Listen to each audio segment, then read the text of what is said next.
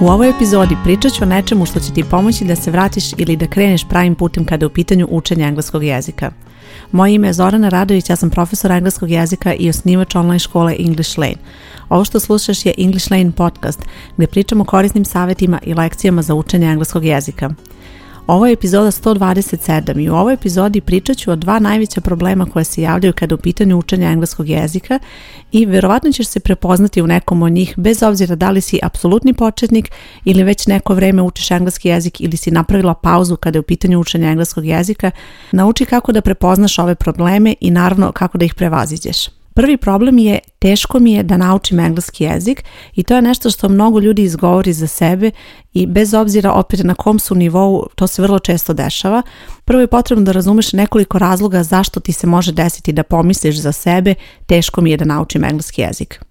Prvo, nikada nisi učila engleski jezik i normalno da deluje zaista teško naučiti engleski jezik, pogotovo ako smatraš za sebe da nisi krenula da učiš engleski u školi recimo, nisi iskoristila tu priliku i onda sada kada želiš da naučiš engleski jezik sa mnogo više godina, deluje ti da je to mnogo teže. Drugi razlog zašto možeš doći u ovu situaciju da pomisliš da je učenje engleskog teško je zato što si imala loše iskustvo kada je u pitanju učenje engleskog jezika.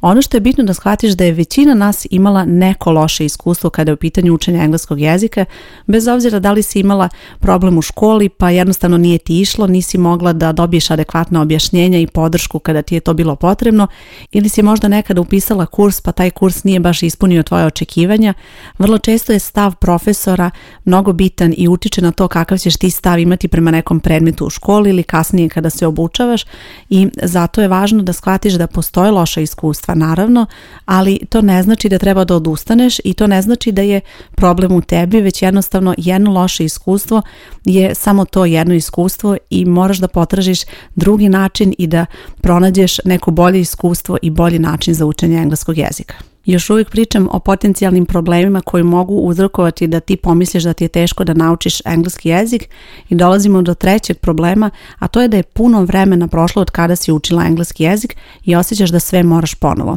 Imaju vidu da se to može desiti, da možeš doći u situaciju da neko vreme koje si ranije uložila u učenje engleskog jezika i naravno ne samo vreme već i novac, da sad imaš utisak da je sve to propalo, I to se posebno dešava kada praviš pauze u učenju i posebno kada su u pitanju te duže pauze, jer tada prosto zaboraviš engleski jezik, posebno ako ga ne koristiš redovno i onda zaista to tvoje ulaganje propada i zato je bitno da kada kreneš sa učenjem engleskog jezika da stalno imaš neki kontinuitet i da stalno vežbaš jer je to jedini način da održiš sve ono što si naučila. Sledeći razlog zašto još možeš pomisliti da je učenje engleskog teško je zato što te je strah, odnosno sramota da pričaš na engleskom i to je nešto što ćeš isto morati da prevaziđeš kako kreneš sa učenjem. Jednostavno učiš engleski da bi pričala na engleskom, i to su tvoje očekivanja i treba to da očekuješ od sebe tako da je normalno da ćeš za par časova ili za par lekcija ti moći da kažeš neku rečenicu na engleskom i ne treba da te bude sramota ili strah ako pogrešiš, već jednostavno to prihvatiš te svoje greške i ideš dalje i vežbaš i vežbaš dok ne stegneš tu rutinu i dok vremenom ne naučiš da pričaš engleski mnogo sigurnije. Isto tako ti se može desiti da pomisliš da ti je teško da razumeš recimo vremena, članove, predloge, onako neku konkretnu oblast iz engleskog i ovo se dešava posebno onima koji već imaju neko iskustvo kada je u pitanju učenja engleskog jezika, ali im nedostaje prosto nešto nisu vežbali. Imali su recimo neku obuku ili su pohađali časove ili su učili engleski u školi, ali jednostavno u toj situaciji se zanemari neki deo i onda imaš utisak da je to izuzetno teško i da je to nešto što je veliki problem i zbog čega ti ne možeš da napreduješ kada je u pitanju engleski jezik. Zato je bitno da kada učiš engleski jezik, učiš sve što je potrebno. Dakle, nemoj učiti samo recimo lekcije gramatiku, a ignorisati izgovor. Jer onda u jednom trenutku izgovor će postati ono što je tebi teško i bit će veliki problem koji će ti biti teško da prevaziđeš na taj način da samo vežbaš izgovor, a da onda sad zapostaviš gramatiku, već je najbolje da vežbaš sve zajedno i da imaš taj neki pristup tome da jednostavno sve u jeziku što učiš je bitno. Dakle, bitne su i gramatička pravila, bitne su i nove reči i izgovor i bitno je da vežbaš da pišeš na engleskom, bitni su članovi, predlozi, frazalni glagoli, sve je to bitno i važno je da sve to učiš zajedno kada pohađaš program za učenje engleskog jezika. Do sada sam pričala o tome koji problemi te mogu dovesti do toga da pomisliš da je teško naučiti engleski jezik, a u nastavku ću pričati o tome šta da radiš kada osjećaš da nemaš dovoljno vremena za učenje engleskog jezika. Pre nego što krenem da pričam o tom drugom problemu, želela bih da se fokusiram na nekoliko rešenja za prvi problem. Dakle, šta da radiš u situaciji ako pomisliš da je teško naučiti engleski jezik? Pre svega, bitno je da doneseš odluku da želiš da naučiš engleski jezik, jer sve zapravo kreće od toga. Bez obzira da li tek počinješ i zapravo prvi put krećeš sa učenjem engleskog jezika, ili si napravila neku dužu pauzu i želiš da se vratiš u učenju engleskog jezika, bitno je da doneseš odluku i da kažeš za sebe da želiš da naučiš engleski jezik, da si tome posvećena i da ćeš se potruditi da se fokusiraš na to u narednom periodu. Takođe je bitno da budeš svesna da je u pitanju dugoročna odluka. Nemoj da pomisliš da ako ćeš imati malo više vremena u narednih mesec, dva, da će to biti dovoljno da naučiš engleski jezik, jer je u pitanju dugoročna odluka bit će ti potrebno verovatno godine da naučiš da bi stekla sigurnost koja ti je neophodna u konverzaciji. To je recimo kao kada želiš da se posvetiš vežbanju ili da promeniš način ishrane. Dakle, to je nešto što treba da očekuješ od sebe u dužem vremenskom periodu i bitno je da svoj život, odnosno učenje engleskog organizuješ u skladu sa tim, tako da možeš to da izvedeš i da se posvetiš učenju zaista ozbiljno. Kad kažem ozbiljno, ne znači da treba da učiš svaki dan i da treba da posvetiš učenju engleskog jezika sate i sate, već mislim na tvoju ozbiljnost u smislu da zaista želiš da učiš i da ćeš se potruditi da svake nedelje odvojiš određeno vreme. Nekada će to biti sat vremena, nekada će biti 2, 3 sata, 4 sata, ali bitno je da ti zaista shvatiš učenje engleskog kao nešto što je tebi veoma važno, kao tvoj prioritet i u tom smislu mislim da budeš ozbiljna kada je u pitanju učenje engleskog jezika. Zapamti, taj kontinuitet u učenju je ono što će te dovesti do cilja koji očekuješ i mnogo više ćeš ostvariti zapravo nego što si možda i zamislila u trenutku kada počinješ. Drugo rešenje koje ti predlažem je da zaboraviš na loša iskustva. Kao što sam i već rekla, postoje loša iskustva i većina nas je imala neko loše iskustvo kada je u pitanju učenja engleskog jezika, pa ne samo engleskog, već i ostalih stvari, samo se seti osnovne srednje škole. Uvek ima neko iskustvo koje ti nije baš bilo jednostavno da u tom trenutku pomisliš da je nešto možda mnogo teže nego što jeste, ali zapamti da to nije do tebe, već jednostavno u tom trenutku možda nisi imala podršku kakva ti je bila potrebna, nisi imala mogućnost da pitaš nešto što je tebi pravilo problem i onda je to uticalo da ti pomisliš da treba da odustaneš. I najlakše je u situaciji kada ti je nešto suviše teško i kada ti deluje suviše komplikovano, najlakše je odustati u takvoj situaciji, ali zapamti da ako želiš da naučiš engleski jezik i ako si odlučna da se tome posvetiš, ti ćeš prevazići te izazove. To znači da recimo ako si imala kurs koji ti nije odgovarao, pronaći ćeš drugi kurs. Ako si pohađala ubrzani kurs misleći da će te to dovesti do cilja, a nije uspelo, onda ćeš potražiti kurs koji nije ubrzan. Ili recimo ako si učila individualno pa ti nije odgovaralo, učit ćeš na drugi neki način. Znači pronađi način koji će tebi odgovarati da možeš da naučiš engleski jezik i nešto što će tebi omogućiti da napreduješ. Posebno ako si početnik i ako nemaš iskustvo kada je u pitanju učenja engleskog jezika, Pronađi dodatne informacije, raspitaj se o iskustvima drugih da možeš da uporediš i da saznaš šta je nešto što bi tebi odgovaralo. I zapamti, nešto što odgovara jednoj osobi ne mora da znači da će odgovarati i tebi. Dakle, ako ti drugarica kaže da je pronašla neki sjajan program i da je super odgovara za učenje engleskog jezika, to ne znači da će i tebi to funkcionisati i opet nemoj da te to obeshrabri. Iskustvo učenja engleskog je drugačije za svakoga i nemoj da pomisliš da je sad opet opet nešto problem u tebi ako njoj odgovara, ako je ona naučila engleski jezik, a ti nisi. Jednostavno, nemoj da se porediš na takav način, već pronađi učenje engleskog jezika i a, kreiraj zapravo učenje engleskog jezika, organizuj prema sebi, prema svojim potrebama i prema svom stilu učenja. I kada kažem da treba da izabereš program koji tebi odgovara, to ne znači da ti treba sama da osmisliš ceo proces učenja ili da recimo praviš program kursa, to nije tvoj posao i nešto što ne treba da radiš u tom trenutku niti da se fokusiraš na to, već treba da nađeš program, odnosno način učenja koji će tebi pre svega biti prijatan, gde će ti biti lepo da učiš, gde neće biti stresa, način učenja koji će tebi omogućiti da konsistentno učiš, jer to je neophodno da ostvariš dobre rezultate i naravno taj program treba da tebi i ostvari rezultate da ti omogući da naučiš engleski jezik. Vremenom moraš vidjeti rezultate na programu koji pohađaš za učenje engleskog jezika i to je zapravo odličan pokazatelj da tebi takav program odgovara. I daću ti još jedno rešenje kada je u pitanju ova situacija da pomisliš da je teško učenje engleskog jezika. Fokusiraj se na obnavljanje. Ovo je nešto što zna da napravi veliki problem ljudima koji uče engleski jezik, posebno onima koji su nekada učili pa pravili pauzu pa onda nastavljaju dalje. Jednostavno obnavljanje je neophodno za učenje i to je nešto što će ti zaista biti potrebno, posebno u situaciji kada pomisliš e ovo je teško, ne znam sad kako ću dalje, šta ću da radim sa ovim, pa možda da preskočim, pa možda da se vratim malo kasnije na ovo, bez obzira koja je oblast, da li je u pitanju izgovor, da li je gramatika, da li je recimo predlozi, članovi i tako dalje, šta god da je, ako je za tebe u tom trenutku to izazov, to ne znači da treba da preskočiš to i da ideš dalje, a naravno ne znači ni da treba da odustaneš. Naprotiv, treba da nađeš način kako da prevaziđeš takvu prepreku. I imaju u vidu da će takvih prepreka biti i to možda ne samo jedna, recimo možda ćeš na početnom nivou naići na neku prepreku, pa ćeš je uspešno savladati, pa ćeš ići dalje, pa će onda biti još neka prepreka. Dakle, to je nešto što treba da očekuješ kada učiš engleski jezik i zapravo to nije tipično samo za učenje engleskog jezika, već sve što radiš u životu, u nekom trenutku ćeš imati neke izazove pred sobom i bitno je da ih prevaziđeš. Obnavljanje je jedan od načina kako ćeš uspjeti da prevaziđeš takve izazove.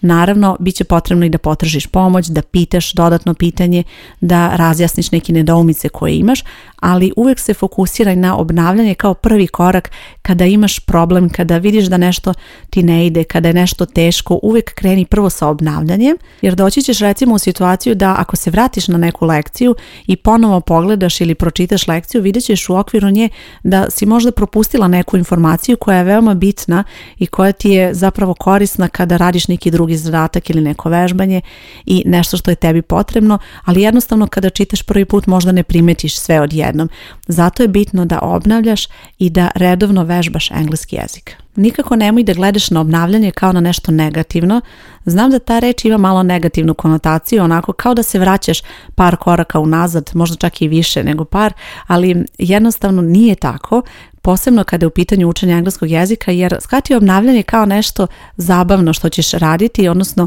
vežbaćeš nešto što već znaš i probaćeš da budeš još bolje u tome. Dakle, kada obnavljaš, ponovo ćeš raditi neke aktivnosti koje si već radila i sada ćeš ih naravno verovatno uraditi još bolje i naučit ćeš još nešto novo, sigurna sam, apsolutno, znači svako obnavljanje, koliko god možda tebi u trenutku deluje da možda uzalud to radiš, jer kao radiš ponovo nešto što si već uradila, ali vidjet ćeš da ćeš svakim obnavljanjem naučiti i nešto novo. Na taj način gradiš iskustvo i gradiš samopouzdanje i onda će ti engleski biti lakši, a ne teži. Sada dolazimo do drugog problema, a to je situacija kada pomisliš ili kažeš za sebe nemam vremena za učenje. Imaju u vidu da kada izgovoriš ovakvu rečenicu, to je isto kao da si rekla ne želim da naučim engleski jezik, jer jednostavno nećeš sebi staviti nikakav prioritet za učenje engleskog jezika i verujem da ako slušaš ovaj podcast ti želiš da naučiš engleski jezik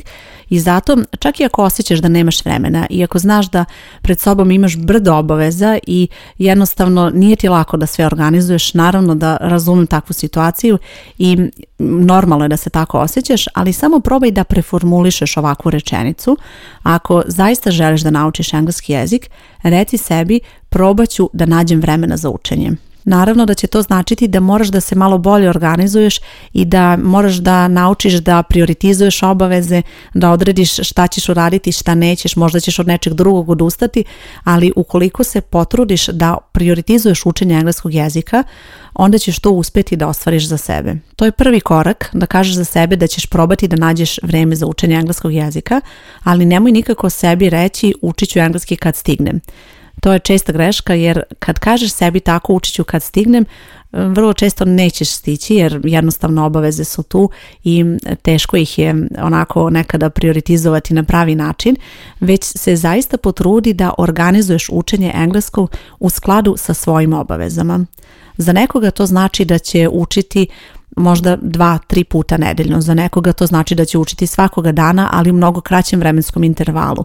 Dakle, pogledaj svoje obaveze i razmisli o tome kako bi engleski postao deo te tvoje rutine na najbolji način da ti onako ne remeti tvoje obaveze druge i da ne remeti tvoj plan za druge neke stvari, ali da ipak imaš dovoljno vremena za učenje engleskog jezika svake sedmice imaju u vidu da ovaj problem da nemaš vremena za učenje engleskog jezika jeste rešiv, ali jednostavno nekada moraš da smisliš malo neke kreativne načine kako ćeš uklopiti učenje engleskog jezika. Ja sam recimo videla da polaznice u mojoj školi zaista tome pristupe na jedan način koji će njima omogućiti da nauče engleski jezik u skladu sa svojim obavezama i jako mi je drago što mogu da im pomognem u tome da mogu da uklope učenje engleskog jezika i recimo imam polaznicu koja ustaje ujutru pola sata pre posla, tako je odgovara, prosto takav ima ritam i ona u tom periodu uči engleski dok popije jutarnju kafu, ona uči engleski jezik, tad joj je tišina u kući i još niko nije budan slobodan i ima potpunu koncentraciju i to je period kada ona može da uči i ona je uskladila učenje da uči na taj način. S druge strane imam polaznicu koja putuje do posla i koja koristi vreme da prođe neku lekciju na telefonu, da uradi neko vežbanje, dakle koristi to vreme na najbolji mogući način jer zna da povremeno kada dođe kući od drugih obaveza jednostavno neće imati vremena da uveče izdvoji nekih pola sata, sat, koliko god je potrebno njoj u tom trenutku i onda koristi vreme koje koje ima da bude u kontaktu sa engleskim jezikom, da uči, da obnavlja, jednostavno da stalno napreduje, da nikada ne zapostavi engleski jezik i da kaže nemam vremena, već jednostavno nađe neko vreme u danu ili čak ne mora ni svaki dan, to može biti i svaki drugi, treći dan, ali bitno je da postoji taj kontinuitet.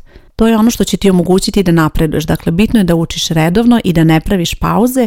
a učenje probaj da prilagodiš sebi i svojim obavezama. Razumem da možeš doći u situaciju da kažeš da nemaš vremena za učenje, jer prosto kada pomisliš na učenje engleskog jezika, pomisliš na situaciju gdje moraš da ideš u neku školu i da moraš da pohađaš taj kurs recimo dva ili tri puta nedeljno i da ne samo što ćeš pohađati taj kurs, otići tamo, slušati predavanje, već ćeš morati da uradiš neki domaći zadatak kod kuće i jednostavno kad odmah izračunaš svo to vreme koje treba da uložiš, vidiš da to ne možeš da izvedeš i to je sasvim realno, ali u takvoj situaciji probaj i da pronađeš drugačiji način učenja. Dakle, možeš učiti engleski samostalno, možeš učiti individualno sa profesorom, možeš pohađati neki online program. Dakle, to su sve situacije gde možeš učiti engleski jezik i prilagoditi to učenje sebi i svojim obavezama, tako da na taj način možeš da izdvojiš vreme za učenje engleskog jezika. Meni se dešava da recimo u mojoj školi gde postoji predloženi program i zato se zove predloženi, gde polaznice imaju šta bi trebalo da urade u toku jedne sedmice. Naravno ima polaznica koje imaju malo više obaveza, a žele da nauče engleski jezik i onda od njih dobijem pitanje da li je u redu da uče malo sporije. I naravno da je to u redu. Dakle, dok god one uče i ostvaruju rezultate i imaju taj kontinuitet, to je dobro. Bez obzira što je to malo sporije od onoga što sam ja predložila, dakle ja sam predložila nešto što verujem da bi možda odgovaralo većini, ali naravno ne možemo svi da se uklopimo u to i jednostavno nemamo svi dovoljno vremena da učimo, to je prva stvar, a druga stvar, e, postoje u engleskom neke stvari koje će ti možda biti malo teže i bit će ti potrebno više vremena da vežbaš nešto i onda u takvoj situaciji normalno da nećeš moći da uradiš sve što se od tebe očekuje ako ćeš ti recimo mnogo više vremena da posvetiš nekoj gramatičkoj lekciji da zaista razumeš kako se neko vreme koristi i onda nećeš moći da uradiš sve što si recimo planirala za tu nedelju, ali opet razmišljaj o tome kako možeš učenje engleskog prilagoditi sebi jer to je ono što je neophodno da bi ti uspela u učenju engleskog jezika. I sada još želim da se osvrnem i na epizodu 110 u kojoj sam pričala o učenju engleskog u 5 minuta, gde sam se baš fokusirala na tu temu šta da radiš kad nemaš vremena za učenje i kako možeš da iskoristiš razne aktivnosti. Čak u okviru te epizode i predlažem 10 aktivnosti koje možeš da uradiš ako imaš samo 5 minuta vremena za učenje engleskog. Naravno, poslušaj tu epizodu da saznaš sve o tom konceptu kako izgleda to učenje engleskog u 5 minuta i probaj da i to iskoristiš kao deo učenja za sebe i da prilagodiš učenje engleskog sebi na taj način. Zapamti, ovi problemi da ti je teško da naučiš engleski jezik i da nemaš vremena za učenje engleskog jezika jesu problemi koji utiču na to da li ćeš želeti ili nećeš se posvetiti uopšte učenju engleskog jezika, ali zapamti da oba problema imaju rešenje i vrlo je bitno da razumeš kako ta rešenja mogu tebi pomoći i kako ti mogu omogućiti da naučiš engleski jezik i da to učenje uskladiš sebi. Oba ova problema i situacija kada ti je teško da učiš engleski jezik i kada nemaš vremena za učenje engleskog jezika jesu problemi koji će uticati na to i možda te sprečiti da naučiš engleski jezik. Oba problema imaju rešenje i samo je bitno da se fokusiraš na način kako ćeš prevazići ove probleme i onda ćeš krenuti, odnosno istrajati u učenju engleskog jezika. Na kraju imam jedan praktičan zadatak za tebe koji će ti pomoći da pronađeš rešenje. Uzmi jedan papir i napravi dve kolone. U prvoj koloni upiši rečenicu teško mi je da naučim engleski jezik, a onda ispod toga napiši sve razloge zašto misliš da ti je teško da naučiš engleski jezik, šta ti je tačno problem, šta tačno osjećaš da je prepreka koja ti pravi problem i ne možeš da napreduješ ili zašto nikako da kreneš sa učenjem engleskog jezika. Sa druge strane, u drugoj koloni napiši rečenicu nemam vremena za učenje i ispod napiši sve obaveze koje imaš, koliko ti okvirno vremena treba, recimo koliko si vremena na poslu, koliko vremena putuješ do posla, od posla, koliko vremena provodiš za neke druge aktivnosti i sve to napiši u toj drugoj koloni. E sada, povuci jednu liniju onako ispod obe te kolone i ispod treba da napišeš sada rešenje za tu situaciju. Pogledaj sada prvu kolonu i tu gde si napisala razloge zašto ti je teško da naučiš engleski jezik, za svaki od tih problema napiši rešenje kako ćeš prevazići taj problem. Za drugu kolonu gde si napisala sve svoje obaveze i vreme koje posvećuješ tim obavezama, sada izračunaj koje je neko okvirno vreme koje bi imala za učenje engleskog jezika. Bez obzira da li će to biti na dnevnom nivou ili na nedeljnom nivou, probaj da dobiješ neku okvirnu procenu koliko ćeš vremena imati za učenje i kada bi to moglo biti. Idealno bi bilo da možeš da napišeš tačno kada bi učila engleski jezik, jer to je nešto što ti odmah već pomogne da vizualizuješ učenje engleskog jezika i već si onako uvrstila u svoj raspored usled i to će ti naravno pomoći da istraješ u učenju. Znači nemoj reći učit ću svake sedmice 30 minuta, već probaj da kažeš sebi učit ću svakog petka u 7 uveče. Recimo kad završiš sa poslom, tada je fokus na učenju engleskog jezika i onda ćeš imati mnogo veće šanse da to stvarno i ostvariš. E sada ako ti u tom spisku obaveza deluje kao da zaista nema apsolutno vremena za učenje engleskog jezika, pogledaj još jednom taj spisak obaveza i vidi da li postoji neka aktivnost koju ne moraš da radiš ili koju možeš raditi malo kraće, a ostaviti neko vreme i postupak za učenje engleskog. Ovaj zadatak će ti pomoći da dođeš do praktičnog rešenja kako možeš da učiš engleski jezik i odmah prevaziđeš u startu ovakve probleme, jer zapamti da iako ovo može da te sputa i da te spreči da uopšte kreneš sa učenjem engleskog jezika, ovi problemi su rešivi potpuno i jednostavno je bitan samo taj dobar pristup i način na koji ćeš prevazići takve probleme. Uz to, bitno je da nađeš način učenja engleskog jezika koji će tebi odgovarati i koji će ti omogućiti da zaista ostvariš dugoročno dobre rezultate. Jedan od tih načina je i učenje engleskog u mojoj školi koje se odvija u potpunosti online. To ne znači da će taj način učenja biti dobar za tebe naravno, ali je bitno da razumeš kakve ti mogućnosti pruža takav način učenja i da li je to nešto što će tebi odgovarati. Zato ću na ovoj stranici gde slušaš podcast ostaviti link pogledaj više o školi, kako učenje funkcioniše i ukoliko smatraš da je ovo nešto što bi tebi pomoglo, možeš se prijaviti i krenuti sa učenjem. Nadam se da su ti ovi savjeti bili korisni. Moje ime je Zorana Radović i hvala ti što slušaš English Lane Podcast. Ćao!